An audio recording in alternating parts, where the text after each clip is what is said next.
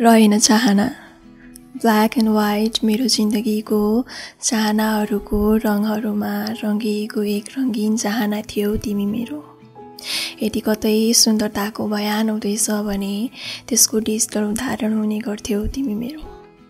अफसोस अफसोस आज मनमा थोरै पिर अनि थोरै दुःखले भन्दैछु अब रहेन चाहना तिम्रो। तिमीलाई पाउन हतार हतार पछाडि फर्किँदै तिम्रो नाम सोधे जति सजिलो कहाँ थियो र? निकै गाह्रो थियो यहाँ। तिमीलाई आफ्नो भनी आफन्तहरूको घेराभित्र सजाउन मानौ ठुलो युद्ध थियो। त्यो युद्धमा सङ्घर्ष गरिरहँदा तिम्रो साथ कति बेला छुट्यो थाहै पाएन। तर खुसी छु। खुसी छु जिन्दगी तिमीसँगको भेटभन्दा पहिले पनि निकै चल्दै थियो। आज पनि चल्दै नै छ। पाइला भोलि पनि रोकिने छैन। अब तिमी हुनु र नहुनुमा कुनै गुनासो छैन। अब तिम्रो उपस्थिति र अनुपस्थितिले मलाई केही फरक पार्दैन। मान्छेको भित्री मन मरिसकेपछि बाहिरी शरीर सजाउनु र मरेको लासको लागि सियान सजाउनु मलाई एउटा एउटै लाग्छ मात्र अर्थविहीन। अब तिमीप्रतिको त्यही इज्जत होला नहोला त्यो आफ्नो ठाउँमा ठिक छ। तर अब तिमीप्रतिको त्यो माया र भावना भने अब रहेन। अब सधैँ तिमीप्रति त्यही माया र भावना जताएर पनि त बस्न सक्दिनँ।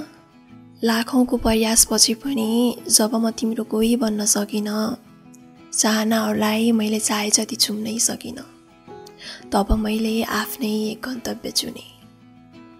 तर त्यो गन्तव्य तिमी बाहेकको थियो। त्यही गन्तव्य चुम्न हजारौँ पटक ठोकिने मोडहरू चुने। जमिन माथिको क्षितिज मुनि अनि वायुको बिचमा। मैले उदासीको सागर बुने।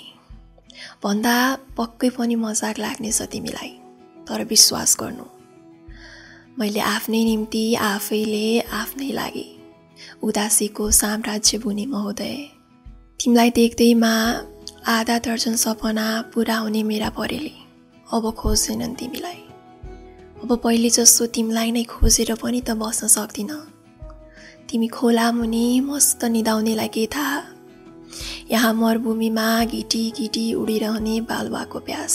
तिमीलाई सम्झिने अनि बारम्बार नङ टोकिरहने बानी।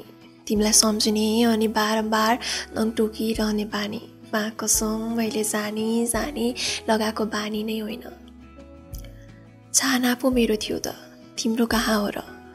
तिमी पो मलाई मन परेका हो त। तिमीलाई म कहाँ हो र? आज पनि घन्चौ गफिन्छु म चन्द्रमासँग। तिम्रा यादहरूमा अडेस लाउँदै। जिन्दगी न हो महोदय यहाँ सोचेको र रोजेको कहाँ आफ्नो बनाउन सकिन्छ र?